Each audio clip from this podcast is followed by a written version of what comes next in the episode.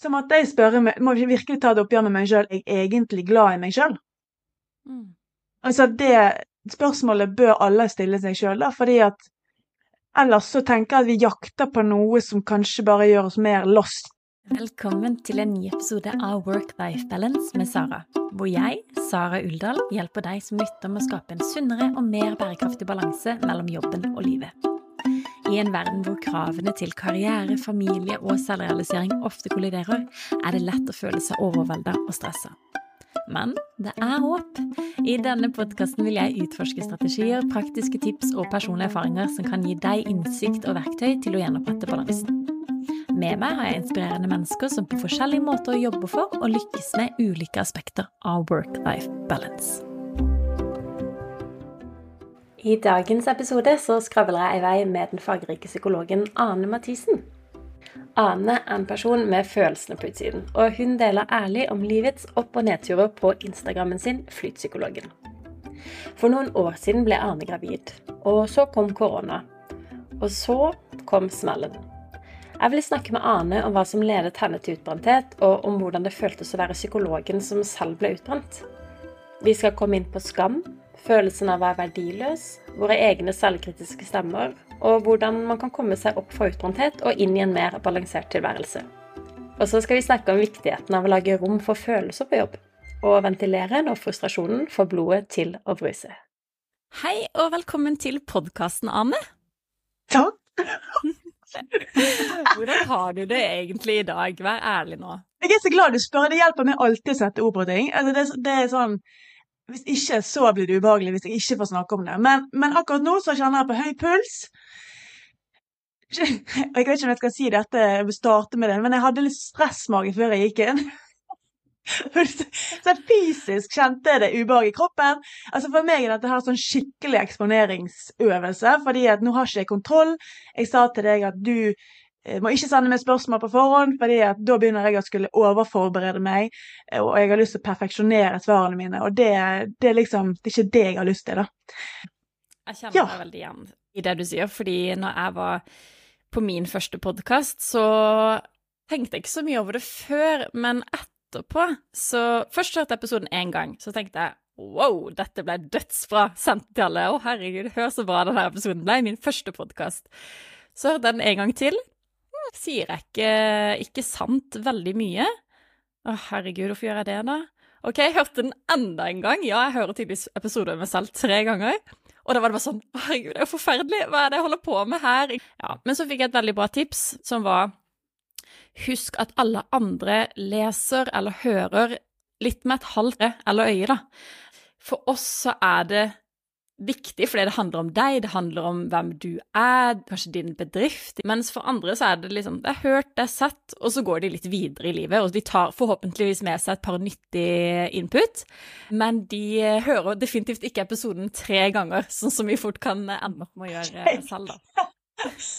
Ja, og så, så, så så, det da, så tenkte jeg på det, liksom den spotlight-effekten, at vi har en tendens til å overvurdere hvor mye folk legger merke til oss. Så vi er, blir litt sånn selvsentrerte og liksom åh, verden handler om meg! Sant? Og det er jo ikke sånn det egentlig er. Altså, folk driter jo mest i det. Så ja, denne indre kritikeren, den, den må bare på en måte bare ta seg en bolle, sitte på sidelinjen, fordi at budskapet er det viktigste. Så det er det som på en måte, å prøve å holde oss til det, da.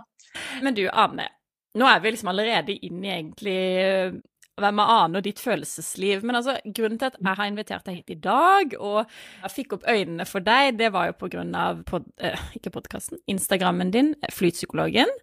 Og der deler du jo veldig ærlig og ufiltrert og morsomt fra ditt liv som mor og samboer og psykolog og gründer. Kan ikke du gi oss en sånn liten innføring i hvem er Ane, og hvordan oppsto flytpsykologkontoen? Ja, steike, det var et bredt spørsmål her. Hvordan skal vi Det må jeg spole tilbake i tid. Men hvem aner? Yeah. jeg er litt sånn all over the place, på en måte. Det, på en måte og det egentlig går litt hånd i hånd med flytpsykologbegrepet, da. Fordi at jeg skjønte det at det er jo sånn når du skal starte bedrift, så er det litt sånn Du må ha en målgruppe, og du må gjøre det og det, bygge opp noe være Skjønner du, det er så mange regler, men jeg passer ikke inn i noe av det, og jeg følte at jeg ville være litt her og litt der. Og da fant jeg liksom ut at flyt er det eneste som grounder meg i det. At jeg skal få lov å gå etter det som gir meg glede og flyt i livet. Og så kan det bare føre meg hvor jeg vil. Så om det ender med at jeg f.eks. Jobber, jobber i barnehage, som jeg har tenkt på før òg, altså jeg elsker barn, så det er en del av det. Altså, skjønner du? Så det er liksom mer budskapet, da. Så det ble på en måte et sånn løfte om å gå etter flyten. Eh, så all over the place. Jeg er ekstremt følsom. Jeg er jeg vet ikke, Det som jeg kanskje mange blir overrasket over, for det er mange som møter meg, sier at jeg fremstår veldig selvsikker og sterk. Jeg har en litt sånn power-side, men jeg er òg ekstremt sårbar. da. Så det er på en måte det å klare å balansere de, det er liksom en konstant jobb for meg, da, fordi det er en, en, en konstant sånn indre kamp inni meg. Ja. Men ja, det er selvfølgelig flere sider, men det er bare litt det første jeg kom på nå. for, for, hva, hva, når du starta opp Flytpsykologen-kontoen, hva var måtte, hensikten din? Var det for din egen del, eller var det for å hjelpe andre? Skal vi spole litt sånn tilbake til liksom da, hva som skjedde før der? Bare sånn hvorfor jeg kom der. Fordi at det, det er på en måte vel naturlig å ta med. Og det var jo det at jeg har jobbet som psykolog i flere år i det offentlige, og så så var det liksom sånn, ja, du vet livet humper og går og litt sånn, men så kom, så ble jeg gravid, korona kom, og da smalt det så jævlig eh, inni meg. Altså du kan tenke deg, du blir livredd som mor og hormoner man blir så eh, liksom på vakt på alle måter som må. Og kan du tenke deg da når hele verden stenger ned? Og det er ikke på en måte bare en innbilt fare, det er en reell fare. Nå går hele altså, verden under satt på spissen. Og, men egentlig fra da og ut i mammaperm og det året der, altså det var ganske jævlig tid for meg, da. Og det var ikke bra for meg å være isolert. Jeg var jeg er ekstrovert, så jeg har behov for mye folk rundt meg. Og jeg var Isolert, nybakt mor, livredd. Har en mann som ikke så, har så behov for å snakke. så, det er så så han fikk jo ikke hørt seg, jeg har jo behov for å snakke om alle følelsene. Jeg hadde ikke barselgruppe i helsestasjonen, alt ble jo stengt ned. Du får ikke samme oppfølging. Du får ikke ha med deg partner på sykehuset, altså på ultralyd, og jeg var ekstremt sårbar den tiden. da. Eh, så var det, Parallelt med det så skjedde det mange livskriser og, som jeg ikke vil gå inn på nå, men det var veldig mye heftige ting som skjedde på en gang. Så livet ble egentlig veldig, veldig mørkt. Og det sier seg sjøl at det å bli mor setter i gang masse prosesser i det, ikke sant. Så da ble jo på en måte kan jo si det var en litt sånn ble vel en fødselsdepresjon, litt sånn forsinket fødselsdepresjon oppi det hele. Det ble rett og slett for mye følelser. Jeg kjente underveis at nå er det for mye for meg, jeg trenger hjelp. Men det var liksom Jeg fikk ikke den gode hjelpen jeg hadde trengt, da. Men så kjente jeg ok, nå må jeg tilbake på jobb. Det vil være bra for meg å møte mennesker igjen. Men så kom jeg tilbake på jobb, og så var det sånn at når du Før jeg ble mor, sant, så hadde jeg så mye mer overskudd, så kunne tilpasse fritiden for å få overskudd til jobb. Mens nå hadde ikke jeg det på fritiden, så nå måtte jeg altså nå, nå var rett og slett nede for telling, så jeg hadde ikke det overskuddet til å hente inn på jobb. da. Det ble for krevende. Så det endte med at jeg ble i hermetegn tvunget sykemeldt, for jeg kjente at nå skuten synker mer og mer. Så jeg ble litt sånn tvunget sykemeldt ganske lang tid der, og det var jo ikke bra for meg det heller, men det ble litt sånn det var ikke bra å jobbe, det var ikke bra å være sykemeldt. Og det og det, altså Det òg førte jo meg inn i mørket, med, altså, kanskje enda mer. Sant? Så det, det, var liksom, det var en virkelig berg-og-dal-bane. Jeg var langtidssykemeldt, så vi kaller det ikke sykemeldt, men sykemeldt. Og da, og da følte jeg meg så verdiløs. Jeg følte meg følte ikke jeg hadde noe å komme med. Jeg følte at jeg, jeg følte, at jeg følte for mye. Kritiserte meg sjøl for å ikke klare å ta meg sammen. Og kom i arbeidsrettet rehabilitering gjennom Altså Nav tipset om arbeidsrettet rehabilitering, for det var sånn at jeg visste ikke hva lenger skal jeg gjøre med livet. Jeg følte ikke at det dugde som psykolog. Jeg var egentlig omsorgstrett på å høre om andres lidelser. Sant? Så det at jeg tenkte jeg måtte se litt sånn bredt. da, Hva kan være bra for meg i livet mitt nå? Hvordan kan jeg komme meg opp igjen? sant?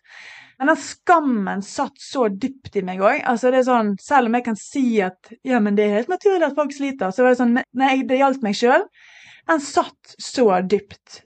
Så jeg søkte jo rundt på nettet. Er det noen Fins det noen psykologer som er sykemeldt og utbrent og deppa og alt? Vær så snill, vær intervjua med noen. Men det var ingenting der ute. Så tenkte jeg nei, Da er det kun jeg som har, det er kun meg som ikke får dette til.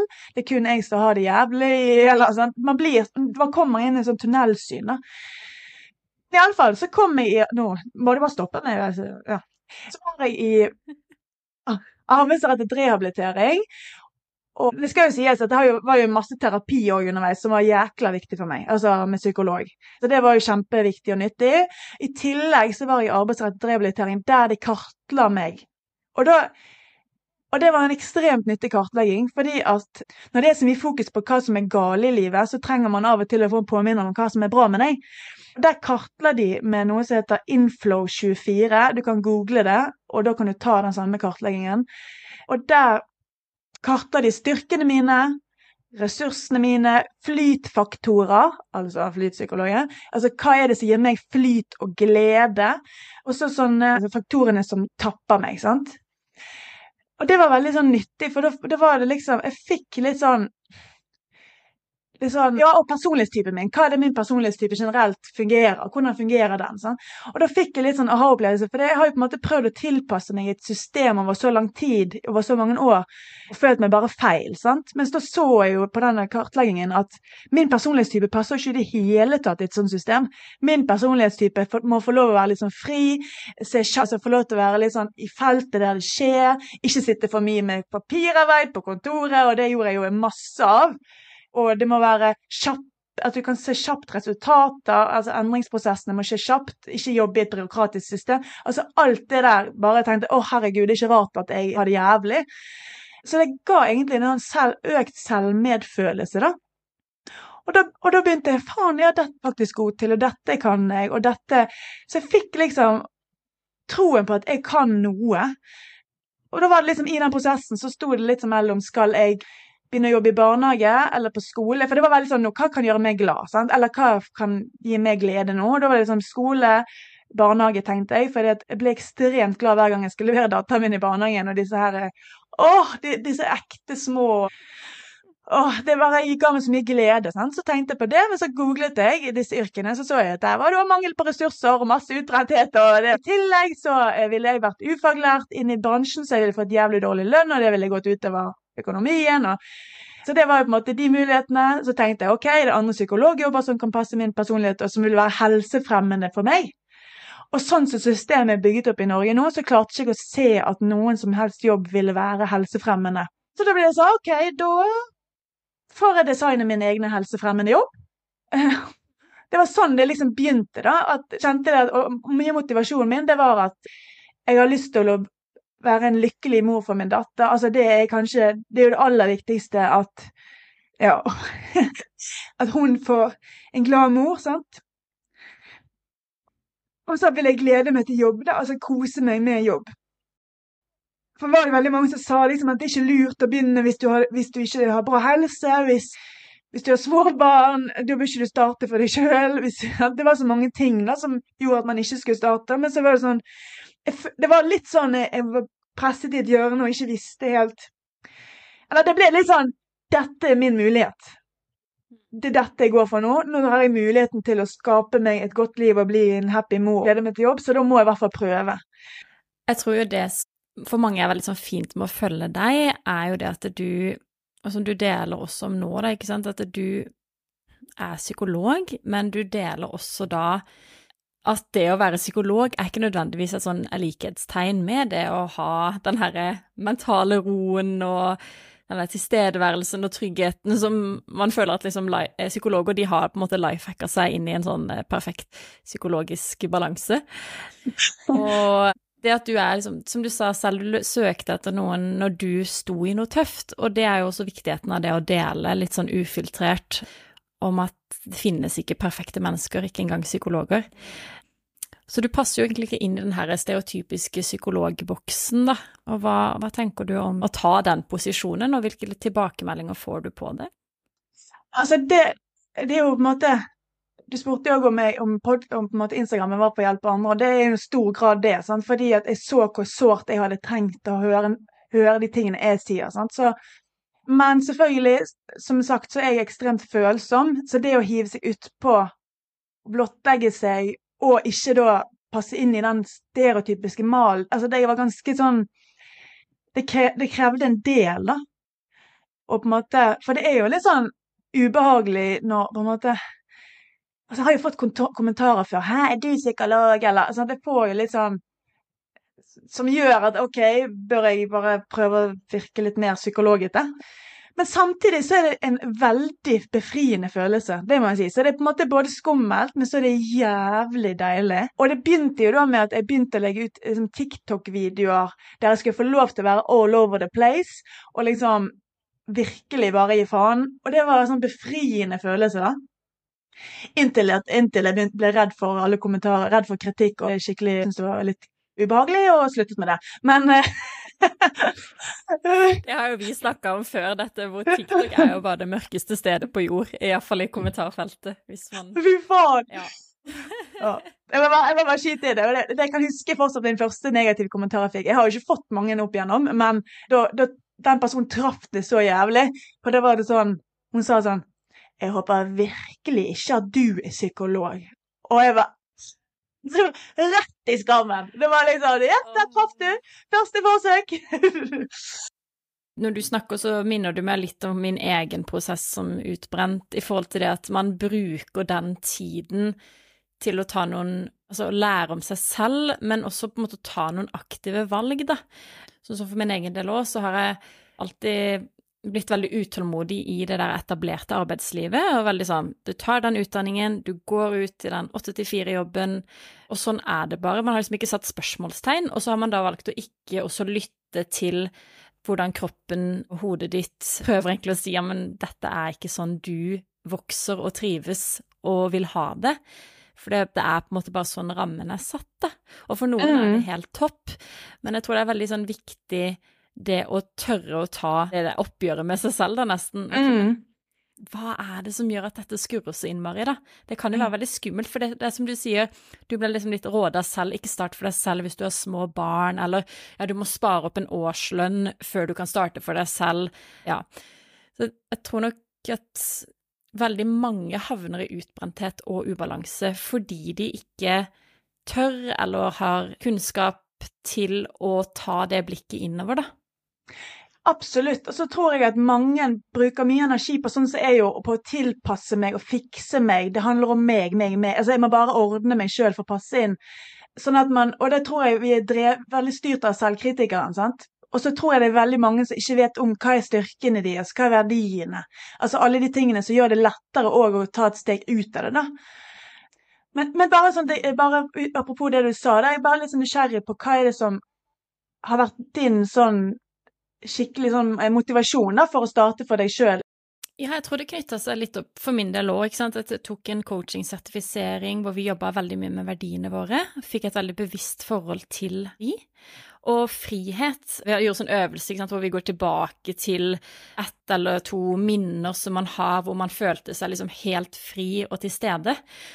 For min del så er det en sånn type sånn sommerdag når jeg er ti år, i bassenget hjemme i hagen, barndomshjemmet mitt, med venninna mi, og vi bada hele dagen. Vi hadde ingen ansvar, ingen bekymringer, ingenting vi måtte gjøre, eller vi følte ikke på noe, noe sånn kroppspress eller noen sånn ubehageligheter som liksom har kommet inn jo større man blir, og jo mer voksen man blir. Og det som på en måte ble tydeligst i den opplevelsen der, det var jo friheten. Altså frihet til å bare være.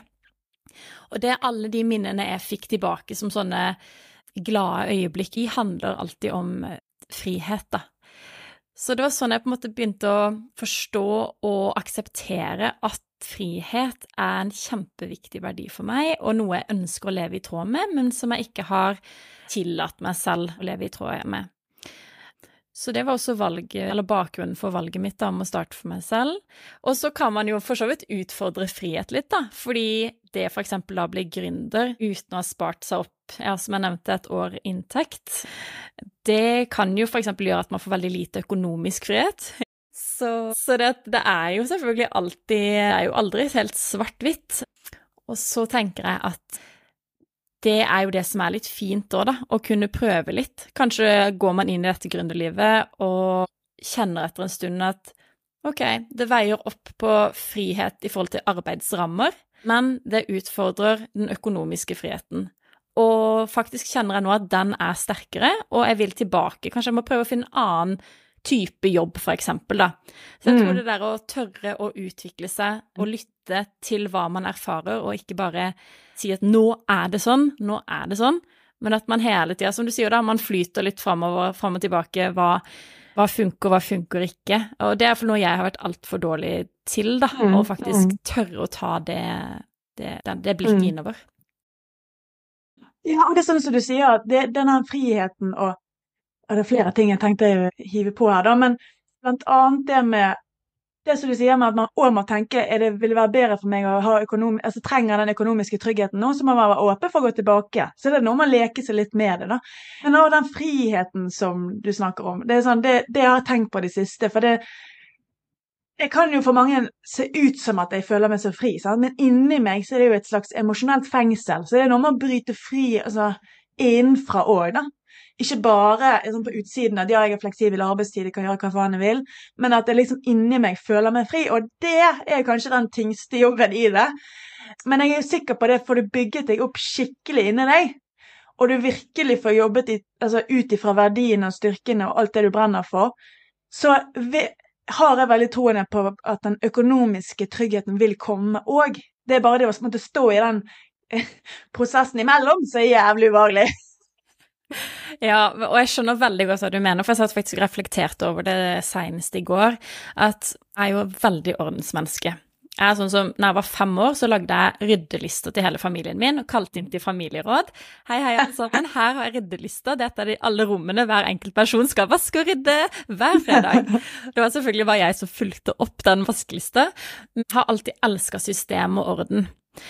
Og det kjenner jeg jo nå at nå blir jo sånn system og orden, for eksempel altså mapper og alt, alle dokumenter, alt man har som du gjerne skulle hatt et system på, bare det å strukturere dagen sin, da, det blir litt sånn utfordra nå, fordi jeg jobber mye ad hoc, jeg følger liksom, hvis jeg får noen mail, så går, hopper jeg videre på det, sånn at det har jeg kjent på at jeg har ikke tatt meg tid til å strukturere arbeidshverdagen min, fordi det har føltes mer viktig å gå etter typ inntektsframbringende leads, da. Men så prøver jeg egentlig liksom nå å akseptere litt da at ok, nei, nå må du spille mer på lag igjen, fordi at nå kjenner du på en sånn daglig uro, som du snakka om dette med det sånn indre Det motsatte av frihet, hva man vel vil kalle det, da, ikke sant? Men det er sånn Fengsel. ja, i teorien. Ja, i teorien er jeg fri, men eh, inni meg er jeg et slags us usystematisk fengsel hvor jeg ikke trives, ikke sant? Jeg trenger, jeg trenger ro rundt meg og orden, og jeg trenger ro og orden inni meg mentalt. Sånn at eh, Og det var kanskje lettere, da, når man ikke skulle være både Admdir, SoMe-ansvarlig, økonomiansvarlig og diverse andre stillinger. Ja, det er ganske mange roller man skal ha. Ja. Men da du kjenner du at struktur, altså frihet er viktig, men struktur er også viktig for deg, da, for at du skal ha en bra arbeidstilværelse, så må du ha en skikkelig Veldig. Eh. Jeg er veldig sånn listemenneske. Elsker orden og KonMari-metode og brett. Ja. Og, ja. Min favorittaktivitet på en lørdagskveld det er enten å chatte med DNB sin kundeservice for å få økonomiske råd, eller å sortere kjøkkenskuffen for å minimali minimalisere den og Ja, det, er ja det, vi er ganske forskjellige, vi, Sara. Men jeg er kreativ òg, da, så jeg har liksom Jeg liker å kalle det Når jeg har søkt jobb tidligere, så har jeg sagt at det er det beste fra to verdener. Ja, Så- ja, ja. Og, så, og den, jeg må si det, da, det, for det merker jeg jo at det at Merker du veldig dyktig og profesjonell Altså bare det å altså, gå frem på podkastingen og alt det der. Sant? Bare det måten du gjør det på er så proff, og så er det sånn faen altså Det sånn trigger min selvkritiker, for det er sånn å nei, nå er Sara så jævla flink! Nei! Men samtidig så er jo det bare en kjempestyrke. Så det er jo bare et kompliment, da. At det virker så ryddig og ordentlig og liksom sender meg ut mail med punkter og forberedelser som gir meg trygghet. Det elsker jeg. Så det, nei, det er virkelig en styrke du har med deg, da. Det er du heldig med. Det er veldig hyggelig å høre. Men nå er jo du liksom på en misjon, da, ikke sant, om å skape din egen eh, helsefremmende arbeidsplass. Og vi ble jo liksom enige om at denne episoden her skulle handle litt om ja, ok, hvordan, hvordan går man fram for å gjøre det, da? Du har jo allerede nevnt litt om bakgrunnen din for å ta det valget. Hvilke tanker og erfaringer har du gjort deg så langt eh, for hva som spiller deg god i forhold til det å skape den type arbeidsplass? Ja, det er jo Det tenkte jeg jo at ok, når jeg skulle på den podkasten, så tenkte jeg nå må jeg huske For det er noe med at det skjer så mye inni hodet hele tiden som du ikke er bevisst på. Så det å på en måte få samle litt hva er jeg faktisk gjør, det har vært litt sånn krevende. fordi at som jeg sier, all over the place utad, men òg inni hodet mitt. Det er ekstremt mye tankevirksomhet. da. Så det at Hva er det jeg gjør? Jeg ser jeg skrev sånn stikkord på en sånn her konvolutt. jeg tenkte jeg må dette brainstorme litt. Da, hva er det jeg faktisk gjør? Men det som jeg startet med, da, det var jo faktisk å bruke materialet fra den kartleggingen. Så jeg brukte alt som da i styrkene mine, flytfaktorene og alt. Jeg fant verdiene mine. Jeg lagde meg en perm som sitter her, står her, med Jeg kjøpte inn tusjer, klistremerker med glitter, alt som gjør meg glad. Laget en perm der jeg skal samle liksom, hva er noe håndfast. da, For det er noe med at når du er sånn flytende overalt, så blir det òg overveldende. Så jeg samlet inn da liksom blant annet en side for hva er verdiene mine med masse gøye klistremerker. Hva er styrkene mine? Hva er visjonen min eller målet mitt, som er å være en lykkelig mor, glede meg til jobb og hjelpe andre verdiene mine tar utgangspunkt i. Det òg er jo et stort arbeid å faktisk lande. Foreløpig så verdiene for firmaet mitt er jo foreløpig ektehet, lekenhet, godhet og god helse. Det det, jo mer jeg jobber i prosessen, jo mer dukker det opp, jo er mer tydelig for deg hva verdiene er. da. Og så har jeg kartlagt ja, styrker. Jeg har noen sånne kort òg for å finne signaturstyrker. Og så ser man etter hvert hva Ja, for meg, en styrke med meg er jo kjeften går, sant. Så det er noe med Når du bruker styrkene dine, så blir du glad, du får mestring. Så det er bare å ta utgangspunkt i det. er en bra start, da, tenker jeg. Hva blir du glad av, og hva, hva er du god til? Dette med å være avkobla, eller påkobla. Kan jo fort oppleve at vi Ja, så blir vi plutselig sittende og scrolle når vi skal egentlig være med familie, og så sitter vi og tenker på hva vi burde gjort når vi egentlig har logga av, og har du gjort deg noen erfaringer rundt det der? Ja, jeg har jo Altså, det har jo vært en av mine største utfordringer. Den jeg fikk så smaken på det å altså Det er dopaminkick i hjernen. sant? Altså Det er jo en belønning som trigges i hjernen. og Du har vært nede i et mørkt hull lenge og følt deg verdiløs, og så endelig føler du at du får til når du får tilbakemeldinger. Så blir jo du nesten litt sånn avhengig av bekreftelsen òg. Og det kjente jeg jeg klarte ikke å slutte å altså Jeg fikk sånn sjekketvang, da. Jeg klarte ikke å slutte å sjekke. Og ja, det, det er mange prosesser som er i sving der, da, men, men, det jeg kjente, var at det krasjet som med verdiene mine om kvalitetstid med familien. Så det at og det gjorde at jeg fikk det veldig vanskelig, for jeg kjente at dette her krasjer med verdiene. Og da blir det jo tydelig hva verdiene er. sant? Altså, at for det er jo ikke bra for familien at jeg får dårlig helse fordi at jeg blir deppa fordi at jeg går imot verdiene mine. Og det er ikke bra for familien at jeg ikke har kvalitetstid med de fordi jeg jobber for mye. sant? Så da er det tydelig at familietid og god helse er jo mye viktigere for meg enn at si at jeg hadde gjort det jævlig bra med firmaet og blitt steinrik, og så går jeg dårlig helse og det går dårlig med familien min. Altså, man kjenner jo inni seg Altså, det var også sånn konstant uro og ubehag. Mens når jeg kom tilbake fra sommerferie, så var det sånn OK, nå er det viktigste Jeg skal prioritere verdiene først. sant? God helse, familie. Nå er det, Jeg skal virkelig ta det på alvor, lytte til kroppen. Så da tenkte jeg nå skal jeg kun med minst mulig sosiale medier. Jeg skal fokusere på å skrive ned følelser og tanker og lande i meg sjøl. Jeg skal være med familien, så kun ha samtaler med jenter som jeg da får inntekt på. Det er det jeg absolutt må gjøre. Og så skal jeg sykle og være fysisk aktivitet i naturen, som òg er viktig for å skape en helsefremmende arbeidshverdag. Og, bare, og da var det en sånn ro og glede og tilfredshet på innsiden. Så du merker veldig inni deg når du er på rett vei med tanke på verdiene òg, da. Men så er det av og til vanskelig å sortere hva er hva, og da kan det være nødvendig å ta et skrivearbeid eller terapi eller hva for å sortere litt. sant? Er det er du egentlig på rett vei, men kritikeren eh, forstyrrer deg litt, og du må bare få parkert den litt, eller handler det om verdiene som krasjer, sant? Og, og, i forhold til sånn, du sa jo det at du, du, har jo liksom funnet noen ting, sånn som du sier, sant, ute i naturen, sykle, være med familien. Har du liksom eh, lagt inn noen andre typer sånn vaner eller rutiner som du har ville hatt inn i livet ditt for å ja, få en mer helsefrembringende hverdag, da? For eksempel så føler Jeg prøver for eksempel selv å eh, skrive denne takknemlighetsdagboka hver kveld, som alle sier man burde gjøre, for å kjenne på takknemlighet. Jeg har jo flere ganger begynt på sånne takknemlighetsdager. Jeg får utrolig dårlig på rutiner. Eller på å holde det. Jeg kan fort miste litt interessen, da. Så, så det, det var kanskje en av mine utfordringer. Jeg har jo skjønt at jeg må ha rutiner, men jeg har jo ikke så veldig mange av de. Men så det er vel mer Vi kan si mer rutiner at jeg kjenner litt inn i kroppen. Hva trenger kroppen min i dag? Det er kanskje det som blir mer rutinen min. Altså, i dag er det veldig uro i kroppen. Da kan jeg prioritere vekk alt av sosiale medier og sånn, og så kan jeg gå Vi har en massasjestol her på Join Cowork. Jeg er jo en sånn cowork um, ar, Altså på en arbeidsplass med det og egentlig vil fortelle om. Men der har vi en massasjestol. Der er det mentanær mindfulness på hodet. Du kan gjøre det. Eller jeg prioriterer kvalitetstid med typen på badeland i arbeidstid. Jeg, jeg bare legger vekk alt annet enn det jeg absolutt må. Så det kan jeg kalle det en slags rutine. at Jeg, alt, jeg spør alltid kroppen hva trenger du? Hva trenger kroppen min i dag? Altså Det spørsmålet det skal være høyt oppe der. Hele tiden. Kanskje ikke hele tiden, det er litt slitsomt.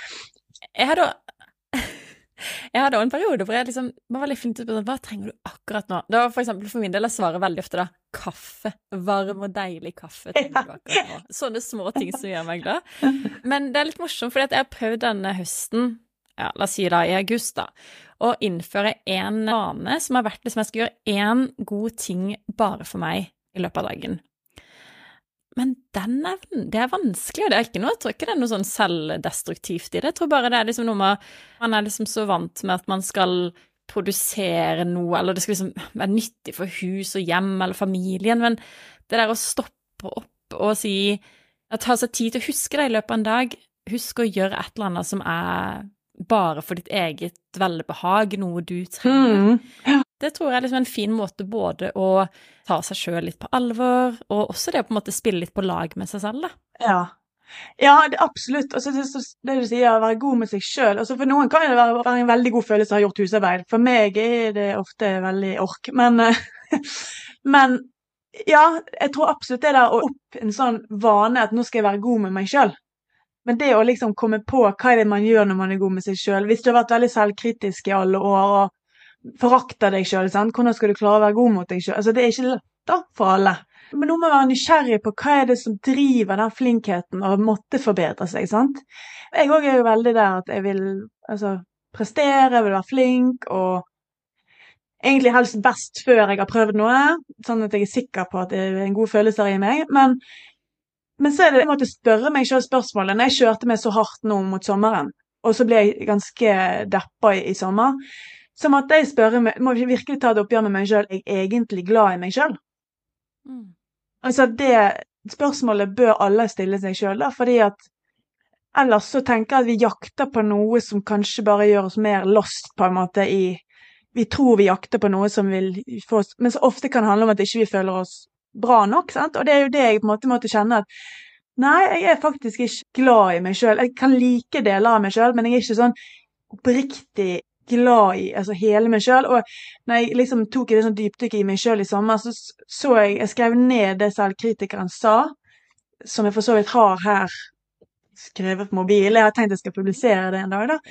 Og det var liksom Den var ganske heftig i sving. Altså, den fikk virkelig Den trykte meg så jævlig ned. Og sånn sånn og det er ganske ubehagelig, men det er nødvendig å, å, ta, å stille seg det spørsmålet. Sant? Fordi at hva er, det, hva er det man egentlig jakter på? Sant? Er det å på en måte føle seg god nok? Det, har vi et umøtt behov i å bli sett, bli anerkjent, føle oss elsket? Så jeg tenk, tenker at det òg er nødvendig for å klare å få en helsefremmende arbeidsplass. Sant? For det er noe med hva er det du baserer rutinene og valgene på, da? Hvis det gir mening.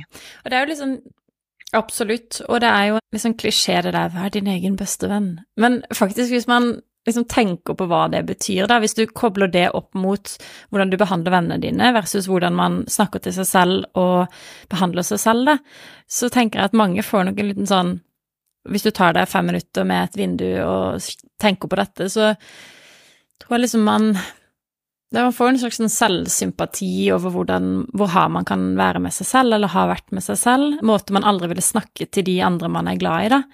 Så sånn sett tror jeg det at veldig mange, kanskje særlig da kvinner, flinke piker og alt det her, lever på en måte sånn innerst inne, da, litt destruktivt, fordi man, man er flink og pliktoppfyllende, men man, man får liksom ikke man, det, Som du sier, da, hvis du går virkelig inn Man går aldri inn, da, helt inn, helt inn der hvor man faktisk kan si da Nei, jeg tror faktisk egentlig ikke jeg er så veldig glad i meg selv, da. Ja, det, og det er jo veldig vondt og jævlig å kjenne på. Samtidig så er det der inni oss, sant. Så det at vi gjør jo oss en tjeneste ved å i det minste bli bevisst, sant. Altså, for det at vi bruker så mye tid på å beskytte oss at ofte ikke vi er bevisst på prosessen i oss heller. sant? Så det å måte bare begynne det kan være å gå i terapi, men det kan òg være å sitte og bare skrive ned hva, alt som skjer inni deg. Skriv det ned, skriv, skriv, skriv. Fysiske reaksjoner, tanker, følelser. Alt som dukker opp. Og så kan man òg på den måten få mer kontakt. Men jeg må òg tipse om boken til Aksel Sinding og Faen, er ikke den her? Sigrid Skeide. 'Et møte med din indre kritiker'. Selvkritisk.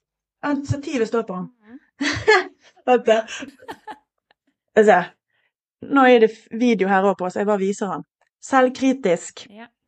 Og der er det sånn, der står det veldig bra om selvkritikeren, og det er òg øvelser der du kan virkelig gå inn og bli kjent med deg sjøl.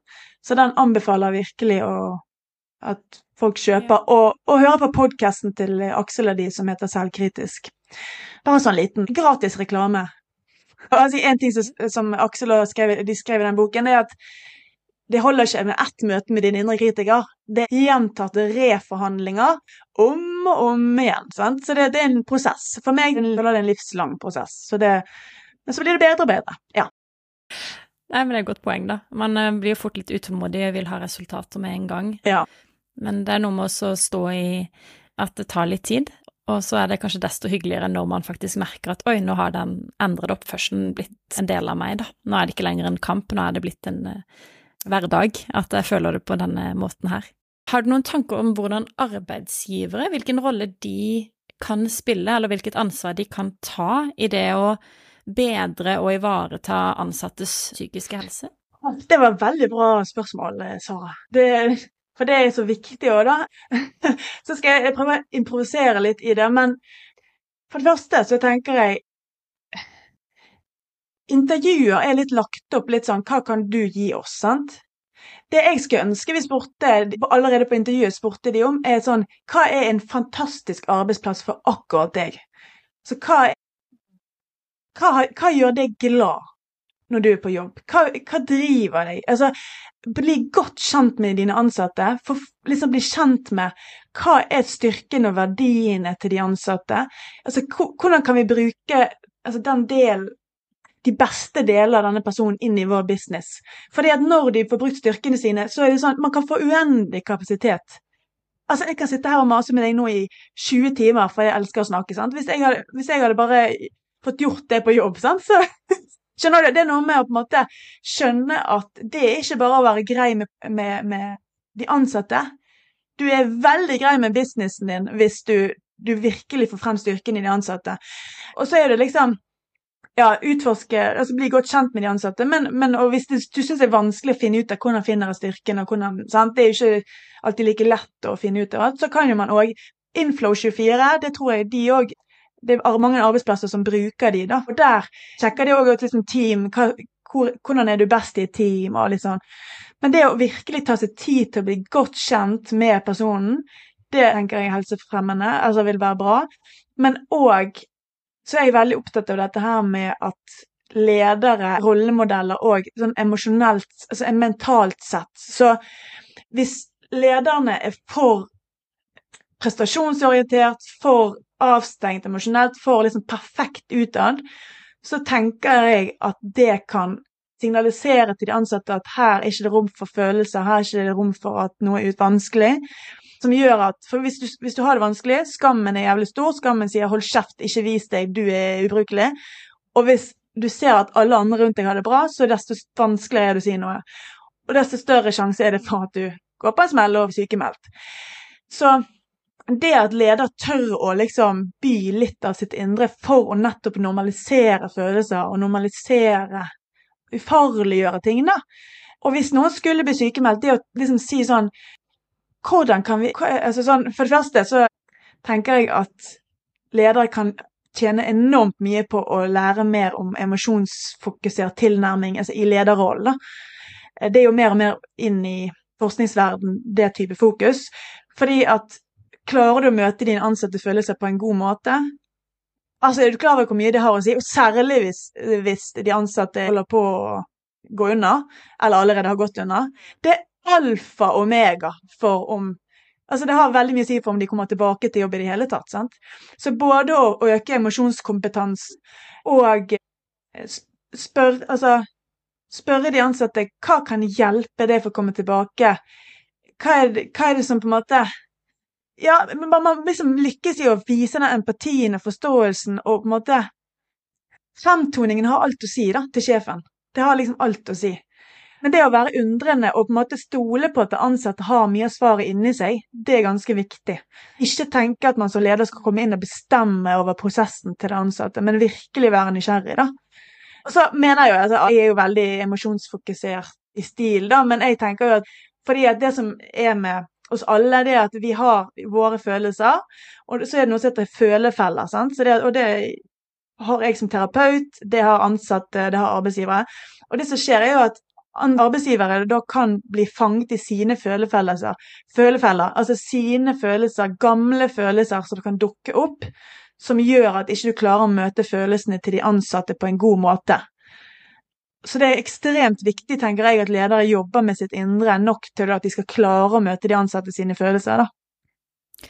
Det er et kjempegodt poeng. Og jeg tenker jo også dette med vanskelig ord, projisering. Projisering, ja. Er jo, ja. Det er jo også noe jeg ser for meg kan uh, skape mye dårlig stemning i et arbeidsmiljø. At kanskje opplevd en tilbakemelding tidligere som man liksom ikke har fått fordøyd og erkjent at man har gått rett i forsvarsposisjon, for eksempel, da. Følelsene våre kan skape mye ubehag på en arbeidsplass. Mm. Ting som egentlig ikke trenger å være en sak, kan bli det fordi man legger sin egen tolkning inn i det, da, med attribusjoner og projisering og ja. Absolutt. Og det har det, Bare tenk, altså vi styres av følelser, og da er det liksom oppsiktsvekkende hvor lite vi faktisk kan om følelser.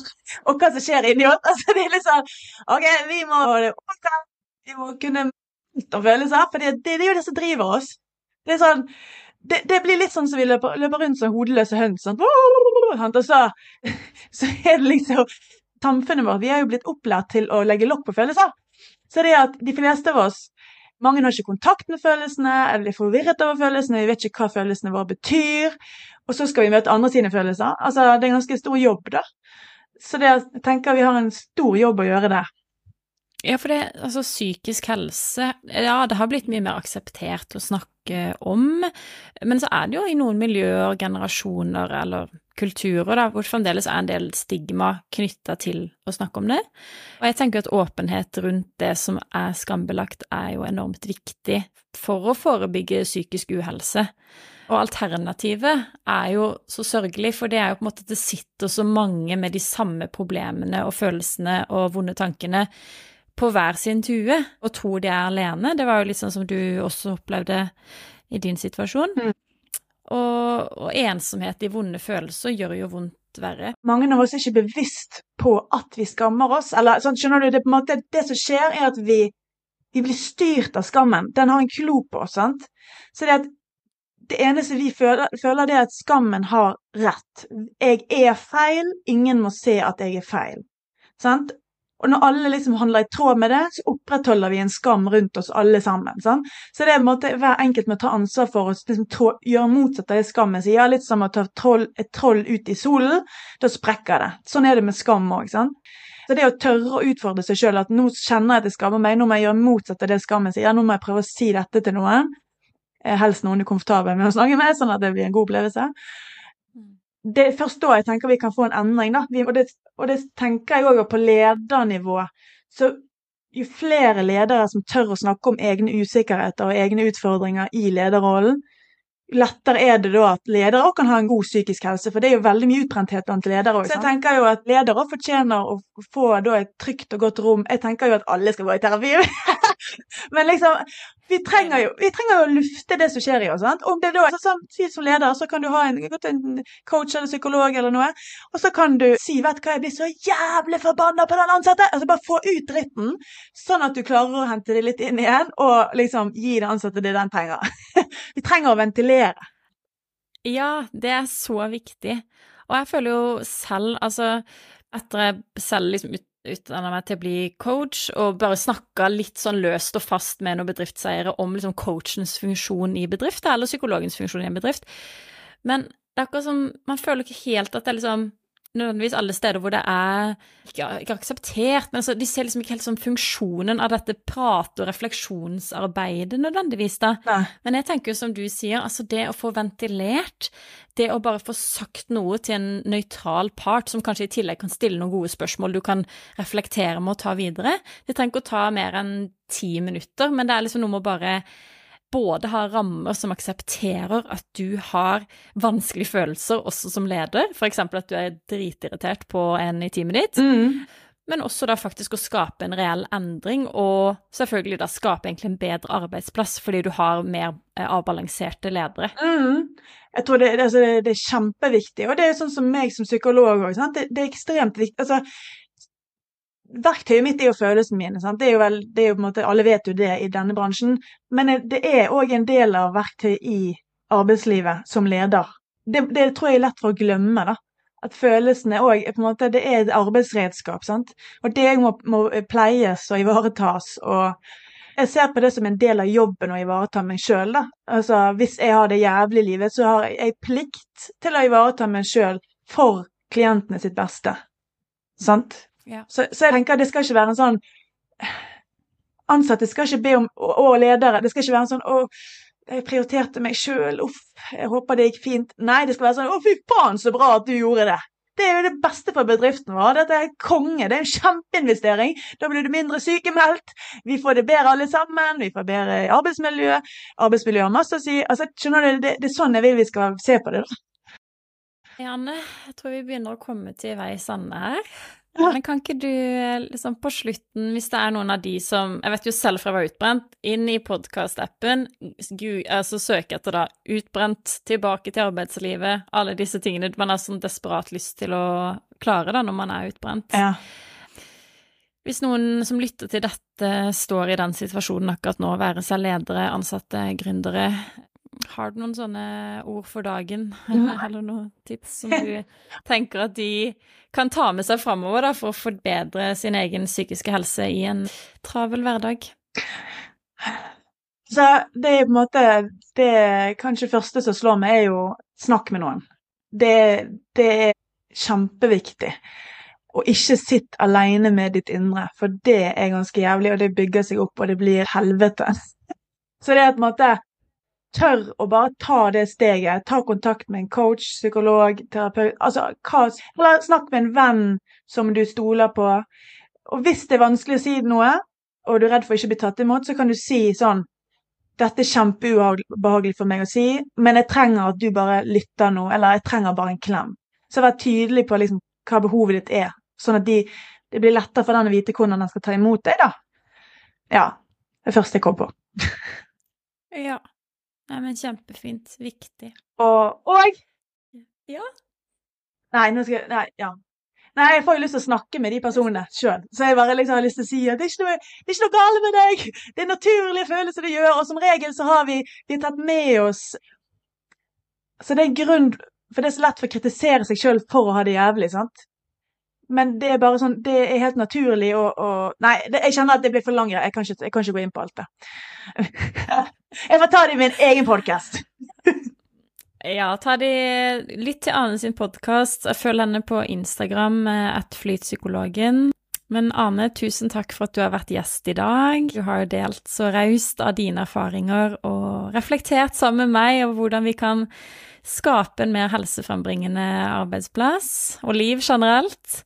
Du er en inspirasjon med din ærlighet, og jeg er sikker på at eh, du påvirker mange, både med ærlighet og sårbarhet, så inklusiv meg selv. Tusen takk. Det var veldig Det håper jeg virkelig. Og så må jeg si, Ja. dette her var en flyt, flytepisode for meg. Tida fløy, og nå har du gjort en veldig god podkasterfaring, forhåpentligvis. Sånn at du har fått eksponert deg selv og fått en positiv tilbake, eller opplevelse ut av det. Ja, det var Så da har du lært det òg. dritgøy. Da lærte jeg kroppen det, at det går bra. Åh, dette var en fin prat. Jeg setter skikkelig pris på hvor ærlig Ane deler om sine opplevelser med utbrenthet og tøffe tanker. Fordi det er akkurat det vi trenger å høre av og til. Kan vi ikke alle forsøke å skape helsebringende arbeidsplasser for oss selv? Både som ansatte eller som gründere. La oss forstå verdien av at jobben blir vår styrke, og at det blir en arena hvor ikke bare vi kan være gode, men en arena som også gjør oss godt. Og dere, husk å ventilere litt ut for disse helt normale følelsene som kan oppstå i oss, men som styggen på ryggen vil at vi skal skamme oss over. Det føles så himla godt ut etterpå. Takk for at du lyttet til dagens episode. Jeg håper du har fått noen tips eller gode råd som du kan begynne å ta i bruk i ditt eget liv allerede i dag.